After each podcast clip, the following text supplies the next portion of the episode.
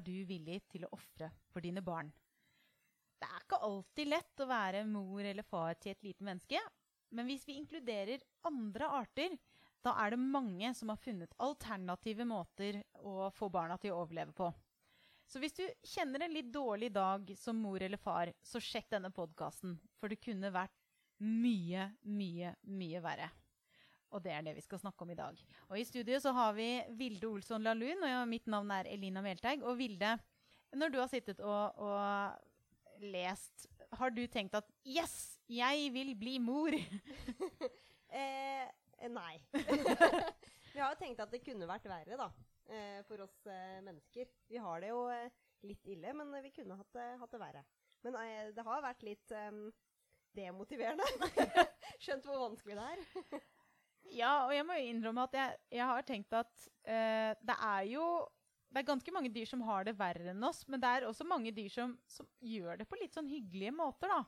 For eksempel så har orangutangene er, Orangutangen er alenemor. Den fostrer opp barnet sitt i seks til syv år, og det er ganske lenge i dyreverden. Mm. Men de barna som er døtre, de besøker moren sin i opptil 15 år etterpå. Det syns jeg er veldig koselig. Familiereunion. Skikkelig familie. Det er skikkelig egentlig, De er jo alenedyr, egentlig, men, men, akkurat når det gjelder det, da. Hva med Hanne eller sønnene? Kommer de å besøke mødrene Nei. sine? Så det er litt annerledes fra oss mennesker. da, ja. For jeg føler sånn eh, mor-sønn-forhold, det er vanskelig å slå. Ja. Men det tror jeg, ikke vi, vi, jeg tror ikke vi skal begynne å sammenligne med dyrearter her. fordi Nei, kanskje ikke. Skjønt, når det er sagt, da. Uh, mødre flest er jo villige til å, å gå ganske langt for, uh, for, morsrollen. Som vi skal komme litt nærmere inn på. Ja, og det gjelder vel egentlig både menneskemødre og dyremødre. Ja. Så uh, noe av det morsomste Skal jeg begynne? Du begynner. Jeg vet okay. du har et tema på akkurat dette. Er det det vi skal inn på? Da må jeg si Nei. Nei. Nei ja. Altså, eh, jeg, jeg, har alltid tenkt at okay, morsrollen, der, da er du off ofrene overfor ditt barn. Mm. Men jeg har liksom ikke tenkt så, på så mye sånn andre rare atferder det kan uh, gi utslag i. da.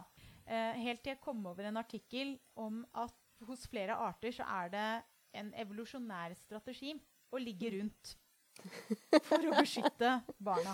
Dette tror jeg du må forklare. Ja, fordi det er nemlig Hos flere arter så er det slik at uh, hunder blir fertile igjen hvis barnet dør.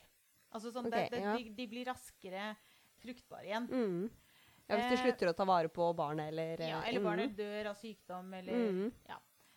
Eh, så det hannene da har skjønt, er jo at hvis jeg dreper dette barnet, eh, som man da kaller for infantisid Hvis jeg dreper dette barnet, da blir den dama raskere uh, fertil, og så, da kan jeg da kan hun oppfostre mitt avkom. Mm. Så da har hannene det som en, en strategi. At liksom bare, de dreper alle barn som ikke er sine egne. Ja, Det er veldig trist. Å dette er fælt å snakke om. Men det, dette, det, som, det, det gir jo på en måte litt uh, logisk for at de skal få føre sine gener videre. da. Mm. Men hvilken dyr snakker vi om? Ja, vi snakker om f.eks de utrolig hyggelige, søte delfinene som du er så glad i. Nei, delfinene! Eh, nettopp. Og det er, det er akkurat flipper-varianten vi er ute etter. Det er the bottlenose dolphin, som det heter på, på engelsk. Eller tumlere, da, på norsk. Er jo en sånn art. Og det hunden gjør da, for å sørge for at det ikke er så veldig interessant Å drepe ungen sin? Nettopp. Mm. Det er å ligge med alle. ligger med alle. Alle hun ser. Fordi da kan ikke Og da er det liksom litt dumt av hannen, ikke sant? Eh, fordi de tenker sånn Oi, jeg lå, jeg lå med den eh, delfindama. Kanskje det er min? Kanskje det er min, ja. Men er det, det, det veldig, men er det sånn at hun liksom eh, har det litt gøy med nabodelfinen, og så plutselig så blir hun gravid, og da får hun sånn instinkt sånn Shit, søren, nå må jeg ut på Nå må jeg ut, liksom, og holde på? Det, det kan godt hende. Men det er jo jeg, jeg leste litt videre på det, da, fordi at det, det er Altså, de begynte å undersøke hva er det som på en måte, hva, hva er det som kan trigge en promiskuøs atferd hos hunder? Mm. Fordi det er ikke egentlig optimalt for oss sånn, som hunndyr. Det skulle vært veldig greit å liksom bare ha sex én gang, bli gravid og ferdig med det. Så slipper du alt uh, rælet. Ja, det er jo mye jobb. Tenk, bare ja. forestill deg de intrigene. Ikke sant? Uh, så mye stress og dating og, og eh, dyretinder. Ja, jeg tenkte akkurat på det samme. Så, eh, og dette her, den teorien da heter eh, 'Hvorfor driver kvinner med multimale mating?' Altså MMM heter det, da. Multimale dating. Og så har de en det er tre teorier i hovedsakelig om hvorfor hunder eh, ligger rundt. Mm. Og den første er det forvirrer hannene. Og det skjer hos arter som har infantisid. Altså, da er det liksom, da er det fornuftig, for det er om å gjøre å ligge med flest sånn at de tror det er deres barn. Det er jo logisk. Det er logisk, og sikkert veldig gøy. Da, nei, jeg vet ikke. Jeg tror ikke det. Versjon nummer to er seksuell trakassering. Er det sant? ja. Så det er rett og slett sånn at eh, hos mange arter så eh, ser jo hannen sitt snitt til å liksom pushe på for å kanskje få gevisa inn Litt av sitt. ja. Og hundene hos de fleste arter har bare lyst til å ligge med de sterkeste hannene. Ja. Så da må de svakeste hannene Det er de som da bedriver denne uh, mobbingen. Men det som er så utrolig morsomt med det, det er det at det, en, en hann som ikke er en alfahann, Mm. da er det fornuftig for han å ta vare på den hunden og sørge for at hun ikke driver og parer seg med alle mulige andre også. Så da beskytter han henne mot de andre, mot at liksom hun kanskje bare ligger med han. da. Så det mange forskere mener, er at dette kan faktisk være en driver for monogami. Altså OK. nettopp Så vi var der. Det kan tenkes. Eh, jeg tror man skal være litt forsiktig med å dra menneskelige paralleller til Tinder-hare med andre, men det er veldig fristende. Det, og det er jo egentlig en kul forklaring. Ja, det er det. En art som vi tenker på da, helt, sånn helt spesifikt, er sebra, faktisk. Fordi da er det sånn, eh, De lever i, i flokker sammen med hunder og hanner. Mm. Og så eh, driver de ikke med infantisid, så sebrahannen går ikke rundt og tar livet av alle barn som ikke er deres egne. Og, men hundene vil fortsatt bare ha sex med de kuleste hannene. Ja. Ja. Sånn er det jo på ungdomsskolen òg. Ja. Unnskyld, jeg tar det tilbake. Uansett, eh, sebraflokken, ikke ungdomsskolen. Der, der er det sånn eh, sexual harassment eller seksuell trakassering.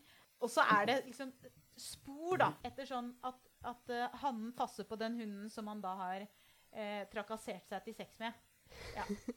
Og, og hun finner seg liksom i det, for da slipper hun i hvert fall å bli trakassert av de andre hannene også. Ja, Så det er, hjelper begge, egentlig. Det, på en måte gjør det det. Og så får hun kanskje litt beskyttelse til seg og ungen sin. på en måte. Så, men det er da en, en, en Man antar at dette kan være en evolusjonær driver for monogami. Og når det er sagt, hvor mange arter tror du har pattedyrarter? Ikke fugler og, og fisk, liksom, men hvor mange art, pattedyr tror du har monogami som liksom basis? I antall Ja, prosent. eh, Det er ganske få. Eh, 22. Det er, det var mye. Ja. Det er mindre enn 3 Er mennesker en av de? Er da min Jeg vet ikke om de har regnet Jeg, det, jeg ja, fikk ikke ikke noen forklaring på hva de mener sånn helt spesifikt med monogam. Nei, for det er jo litt Men under 3% var i hvert fall veldig lite. For jeg vet at det var lite, men så lite, det visste jeg ikke. Det er nesten ingen. Det er nesten ingen. Den siste muligheten da, for eh, teorien om hvorfor hunder Mød fremtidige mødre, mødre Ja. Ligger rundt. ja, Mm. Det er at noen, noen arter har mulighet til å ikke bevisst, tror jeg, men ubevisst velge sperm. Så, så det er på en måte en fordel å, å ligge med mange, fordi da er det på en måte kroppen som velger hvilken sperm som er kompatibel, da, som lar seg som, la, som passer å befrukte egget med. Inni, liksom, så eh, Inni. kjemper de, og så er Ja. det bare den beste som uh, får lov til å vinne. Nettopp. Eh, men, Men er det derfor noen sånne kull kan ha, være halvsøsken? ja, det kan nok stemme. Ja. Ja, for det har jeg lest om at noen liksom, husker jeg ikke hvilken art det var, men kan få liksom kull med barn som er halvsøsken, fordi det er forskjellige liksom, sperm som har klart å befrukte Ja, egg i samme kull. Mange fugler har det jo sånn. Ja, det er litt sykt. At, uh, at uh, du, du er ikke nødvendigvis helsøsken med søsknene dine. Ja, du, Ja. Kan, du kan ha forskjellig far. Nettopp. Mm. Men far kan jo også gjøre det ved at han da har seg litt på si. Ja, men jeg tenker sånn, født liksom samme dag av samme mor, Ja. og så er du halvsøsken. Ja, ja det er jo litt spesielt. Men uh, multimale mating Altså denne, denne uh, veldig Hva skal jeg si frie livsstilen da, hos hunndyr, den er funnet i så mange, mye som 133 pattedyrarter. Så det er jo veldig vanlig at hunden er mer promiskuøs. Hannen er mer sånn Han ser sitt snitt. liksom sånn, 'Nå har jeg sjansen.' Det er det som er så morsomt med denne multimale mating-teorien. Det er jo det at de ser at hundene er den som tar initiativ. Ja, det er gøy. Det er veldig Ja, gøy. det er veldig gøy. Men det er jo nettopp for, for da trolig å forvirre. Når det Mm. gjelder den sexual harassment, eh, altså seksuell trakassering-varianten, da er det faktisk motsatt. Da er det hannen som tar initiativ til Men er det det at han bare maser så mye at han til slutt får seg et ligg, liksom? Ja. Den som maser, får. Ja, og, Men hos sebra igjen, da er det sånn at uh, hundene bare åh, OK, da. Fordi de vet at hvis hun ikke gir etter, så kan han jo bli voldelig. Og det er ikke ja. noe gøy. Nei, det vil de ikke. Nei. Sånn, så, sånn er det. Ja, alt man gjør for å passe på sine barn, var det ikke det vi Ja, så mor tar ansvar, sørger for at uh... Ligger rundt for barnets beskyttelse. Ja. Det var jevnt. Men nå er jeg veldig spent på hva du har for noe. Ja, for Hva, jeg hva, si- Hvor langt går mødre for å redde sine barn? Ja, for jeg har også noen eksempler på liksom hvor man, eh, hvor man eh, ser at mødre gjør mye rart da, for, å, for å passe på sine barn. Og det jeg gjorde når vi skulle gjøre liksom, research i denne poden, så, te så tenkte jeg sånn Jeg har jo ikke barn selv, eh, og det har vel ikke du heller, Eline? Nei. Så vi er da to som ikke har barn. Sånn at jeg måtte liksom forhøre meg litt, eller tenke på vennene mine som har barn, og hva er det de syns er kjipest? Eller vanskelig, da. Og det som ofte er vanskelig, noe som jeg syns er veldig forståelig når jeg hører om historien deres, er f.eks. søvn. Virker jo som at liksom nybakte mødre sover jo tolv minutter av gangen i et år. Og det syns jeg er så rart, fordi jeg elsker å sove. Jeg, jeg forstår ikke hvordan de klarer å sove så lite. Nei. Og det, eh, ja, Så jeg har liksom hørt mange historier og tenkt at det er en vanskelig ting, men jeg har funnet over... over nei, det har, jeg har funnet en over, overmor, overkvinne, til akkurat søvnproblemet da, som fins. For det viser seg at eh, spekkhoggere, fantastisk flotte spekkhoggere, de eh, føder jo selvfølgelig ute i havet, og de sover ikke fra ungen blir født. Så sover de ikke på én måned. Det er, så, det er så vanvittig lenge, det. Det er helt sykt. Og det gjelder faktisk også noen typer delfiner. Men hvorfor sover de ikke, da? Hva er det som gjør at det er Eller jeg, skriker ungen, på en måte? Ja, nei, så nå, det er jo, De er litt usikre på hvordan, hvordan dette har seg. Men det de klarte, var å finne Eller de fant eh, Jeg tror det var to eh, spekkhoggmødre som nettopp hadde fått kalver. Siden man sier Mhm, kalver. ja. Og så tagga de de, liksom satt på sånn så de kan spore de og vite alltid hvordan de beveger seg. og, og litt sånn. Og så fant de ut at disse spekkhoggmødrene de svømmer hele tiden. Kalvene svømmer hele tiden. Og de klarer alltid å liksom svømme unna eh, farer og sånn. Så det er ikke sånn at de svømmer og sover samtidig. Mm. Og det gjør de faktisk så å si konstant den første, de første fire ukene da, av kalvens eh, Først de er på rømmen fra far. Ja, og det kunne man jo Man kunne jo kanskje tenkt at de, de var på rømmen eh, fra far, men det er de ikke. De svømmer, og de har en teori på at grunnen til at de gjør det, er jo for at moren skal passe på ungen. Mm. Og ungen må svømme fordi den har ikke riktig fettlag og riktig sånn isolasjon på kroppen. Så den klarer ikke å holde kroppstemperaturen sin hvis den ikke beveger seg. Å, å, det er kjempesøtt. Ja. sånn, og stakkars. Ja, det er jo egentlig veldig Det er veldig stakkars. Men det er liksom en av teoriene, da, at hvis de stopper for å svømme, så kommer ikke kalven til å mest sannsynlig eller Den klarer Den ikke å er regulere så den må alltid svømme. Den er konstant iskald. ja, den er konstant iskald. Å, så blir de jaga rundt av mor for å holde varmen Ja. i en måned. Ja, I en måned konstant. Og de hadde jo eh, Dette tror jeg kanskje var på delfiner, for de hadde de sett på inni en sånn svær eh, balje eller en Mm. eh, svømmebasseng. Men de har jo liksom klart Disse kalvene må jo opp til, til overflaten for å puste. Og det gjør de ganske ofte når de er barn. Så det betyr at hvis de da skal sove, så får de bare sovet veldig dårlig av gangen. Og det er- var noe av forskernes hypotese på hvordan de har liksom utvikla seg til at de kan gå så lenge uten søvn. da, Kalvene. Er nemlig at de har egentlig aldri kunnet klart å sove, for de må puste hele tiden. Oh. Så det er, så nå, men nå har det utviklet seg til at de faktisk ikke sover da, første, mm, første måneden. Men det de, er mor som liksom har tilpasset seg, ikke kalven, på en måte. ja, og mor går jo fra å egentlig sove jeg tror det var syv til åtte timer hver dag, hvor de er ganske inaktive da, og ligger sånn cirka på samme sted og er veldig sånn, til å ikke gjøre det i det hele tatt i første måneden hvor kalven eh, lever.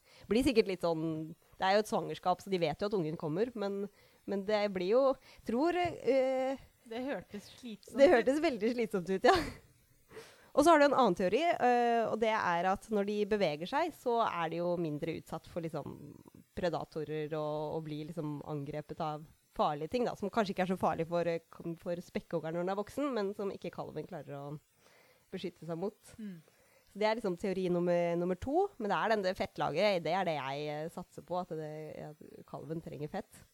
Og så er det egentlig at jeg har funnet ut at alle andre dyr, så å si, trenger jo søvn for å utvikle hjernen.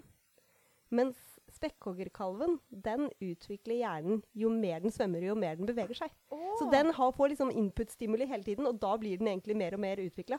Så det er ikke noe negativt for den da, at den ikke får den søvnen som vi tenker at vi trenger. Det er jo egentlig bra, da, fordi hvis ikke så hadde de nok vært utrydda av sin egen søvnmangel. Det eh, kan godt hende at det er det de, de hadde vært.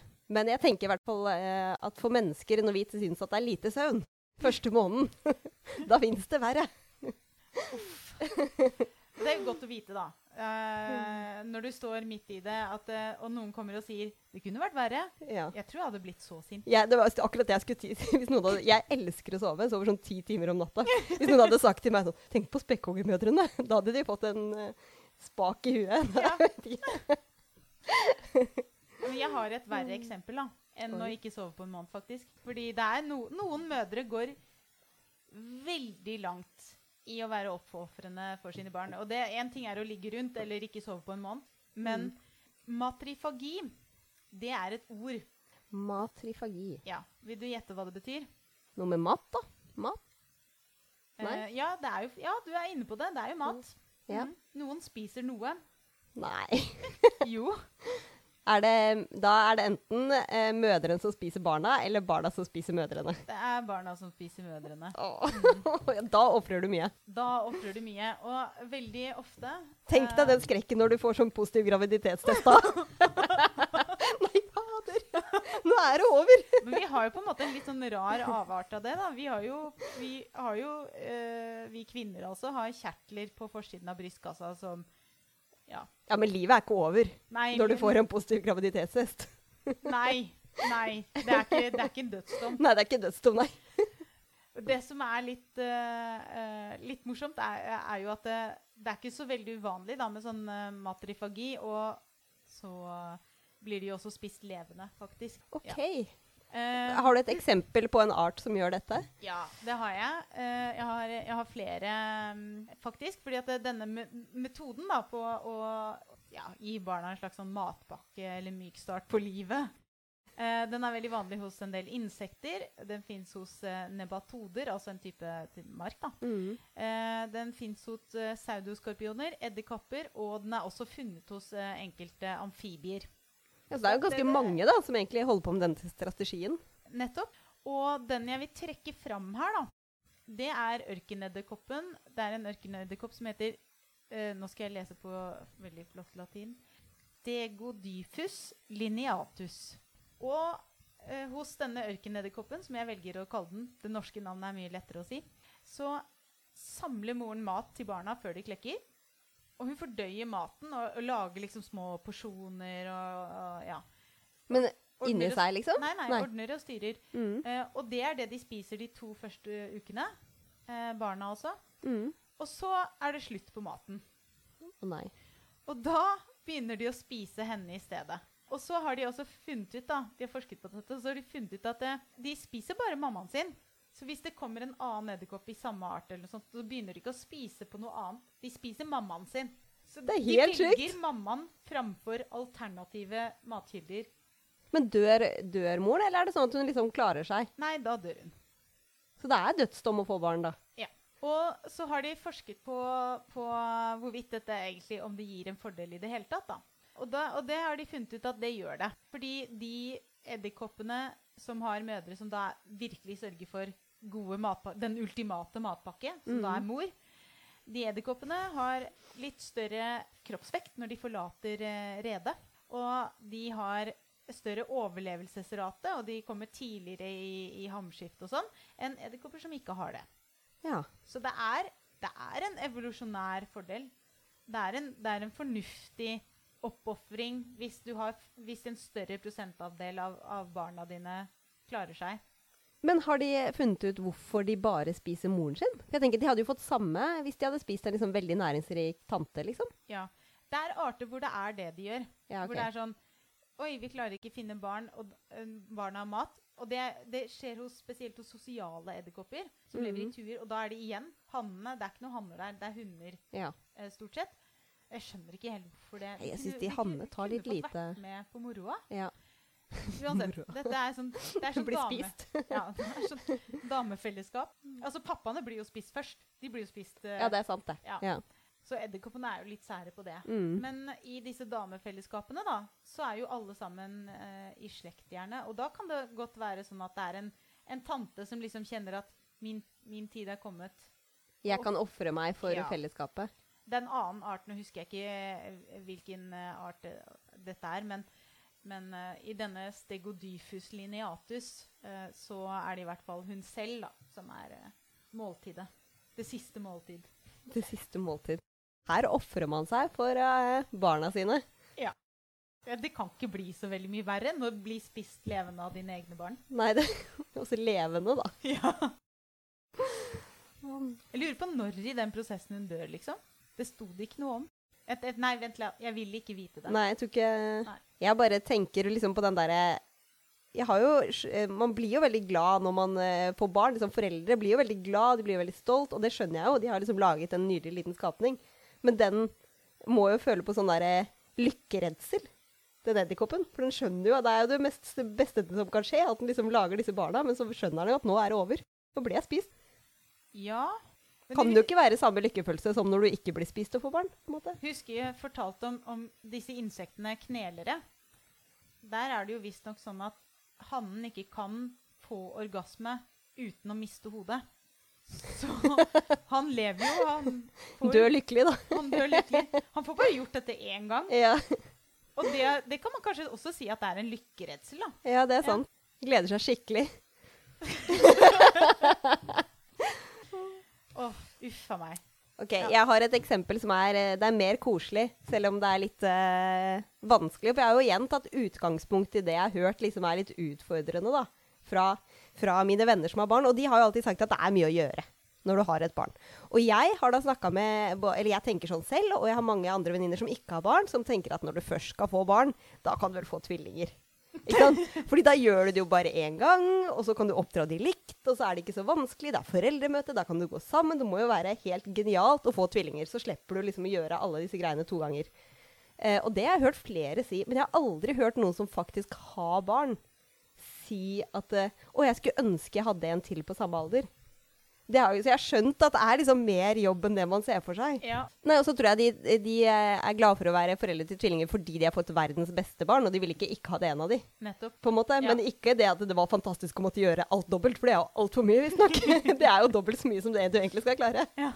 Så det er eh, veldig creds. Men da tenkte jeg at eh, det må da være noen som får tvillinger eller mer.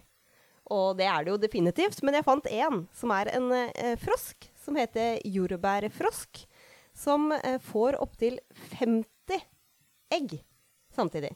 Og da tenker man ja, det er jo mange, men det er ikke så mange. Men tingen er at disse eggene, eller når de da klekkes til eh, rumpetroll, blir det vel da, så spiser de hverandre.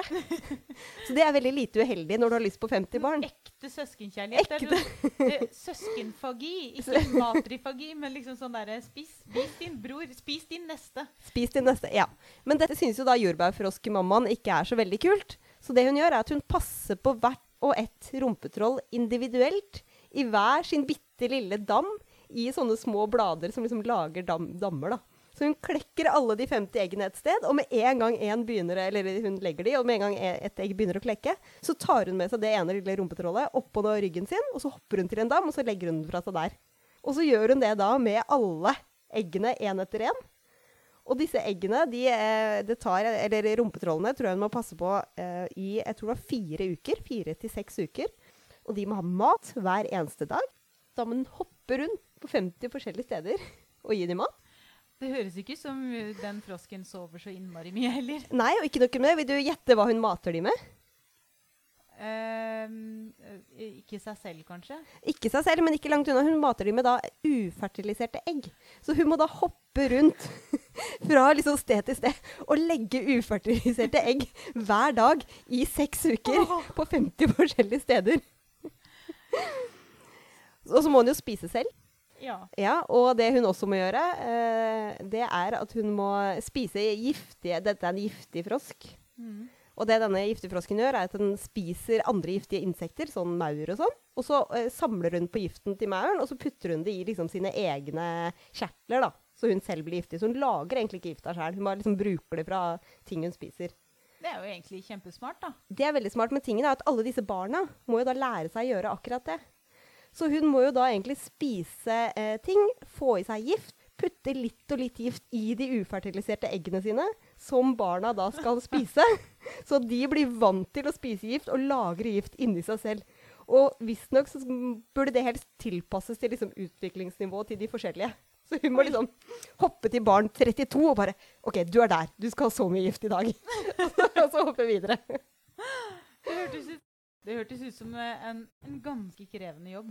Ja, så det eh, Jeg ble litt sliten av å, av å eh, lese alt det hun holdt på med. Men eh, det morsomste var Vet du hva faren gjør? Nei.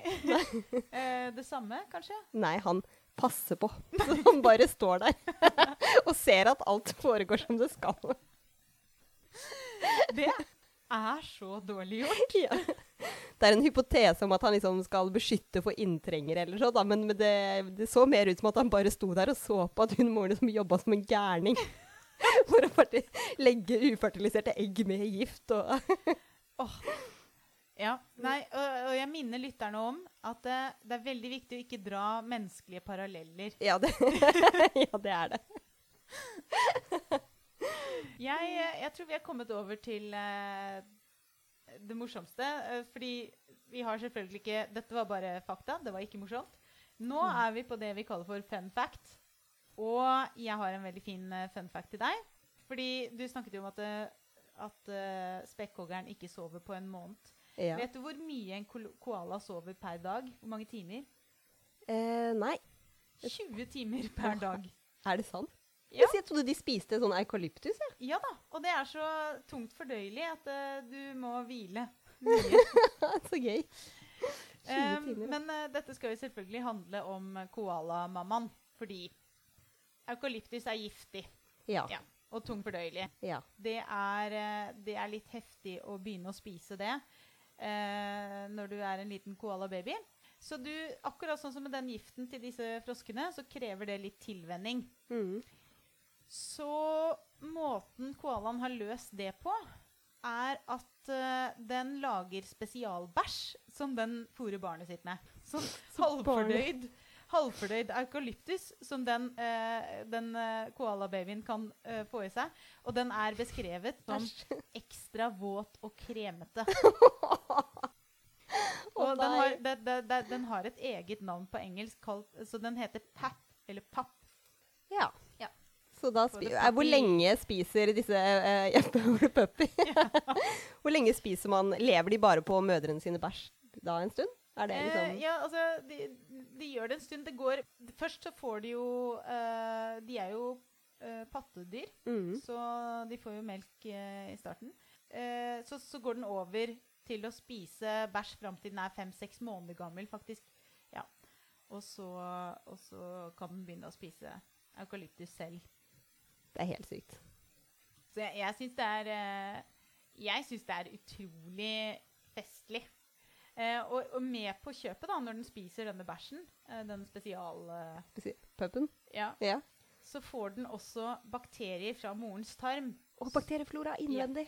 Så det er, en sånn, det er rett og slett en litt sånn Dette er en overlevelsespakke, da. fordi at du kan ikke bryte ned og leve av eukalyptus hvis ikke du får i deg de Bakteriene og sånn som hjelper til å bli vant til giften, liksom. Ja. Det er sykt hvordan verden har blitt laget. Ja. Ting henger jo på greip, for så vidt. Men uh, jeg syns det er veldig morsomt. At det, liksom, det, du, det du lever av i starten, det er, det er bæsj. Det er bæsj. Og det, er din mors bæsj. Spesiallaget. For det er ikke, det er ikke den vanlige bæsjen. Nei, ok, det har hver sin, liksom? Nettopp. Ja. Så hun, lager en, hun bæsjer en egen type bæsj til barnet sitt. Som er litt mer uh, grei å få i seg. ja, creamy og Ja. Å nei. jo. Ok, jeg tror vi skal gå over til et hyggelig tema, og det er barnehager. Det er lurt. Det er lurt. Det er kjempesmart. Jeg har et eksempel som jeg syns var veldig morsomt. For det viser seg at uh, sjøløver på Galapagos de uh, må visstnok ut og jakte alle mødre. Og det må de veldig tidlig, helt fra egentlig ungen er bare et par dager gammel. Og da vet du ikke hva de skal gjøre med ungen sin. Så da putter de de i slags eh, sånne store sånne nurseries, eh, barnehager, Ja. barnebarnehager. Og så er det på rundgang med mødrene hvem som passer på alle disse nurseriesene. Så går det på rundgang med mødrene som må passe på alle barna, mens alle mødrene da er ute og er på dametreff. Jakter, jakter fisk. Ja, det syns jeg hørtes ut som en genial uh, løsning på problemet. Hvor er mannfolka? Nei, det er harem, så det er bare én mann. Ja, så han passer på dem alle. Både liksom uh, mødrene og barna og alt. Ja, så Sånn- Litt sånn som frosken, da. Litt- bare passer på her. Akkurat sånn. Jeg ser for meg han liksom svømme helt i utkanten av den bukta. Og liksom se- sne seg litt tilbake og ser sånn De 43 barna der, mine. Alle Ja. sammen. Men det er egentlig det vi hadde for i dag. Jeg tenker at uh, min konklusjon uh, sånn på hva du er villig Eller hva, har du lyst til å avslutte med det? Hva er du villig til å ofre for dine barn, Vilde, hvis du kommer så langt? Hvis jeg kommer så langt, så er jeg Dette er jo litt uh, ja, for det, ja, fordi akkurat nå så tenker jeg sånn eh, Kanskje jeg kan, kanskje jeg kan ofre nattesøvnen. Det er liksom innafor. Sånn. At jeg bare sover At jeg ikke må sove sammenhengende i ti timer. Det er OK. Men jeg ser jo for meg med en gang du får den ungen, da er jeg sikkert villig til å ofre alt. Men akkurat nå så, eh, så ser jeg bare det for meg liksom skulle lage den i ni måneder. Virker jo egentlig litt slitsomt. Så det, Og det har vi ikke engang snakket om i det hele tatt. Nei, det må bli en annen gang. Men jeg tror at morsinstinktet kicker inn, og så er man villig til å ofre det, det meste, faktisk. Det tror jeg. Altså, når du blir spist levende, da har du da Jeg er nok ikke villig til å ofre så mye. Sånn. Nei, nei men jeg tenker at det, sånn, det er noen ganske sterke krefter i sving. Det er det. De instinktene der. Så ja. Det er det vi hadde for i dag. Eh, hør på oss neste, neste gang. Og tenk gjerne over det hvis du har en eh, dårlig, dårlig foreldredag, eh, at det kunne vært verre. Takk for i dag. Ha det bra.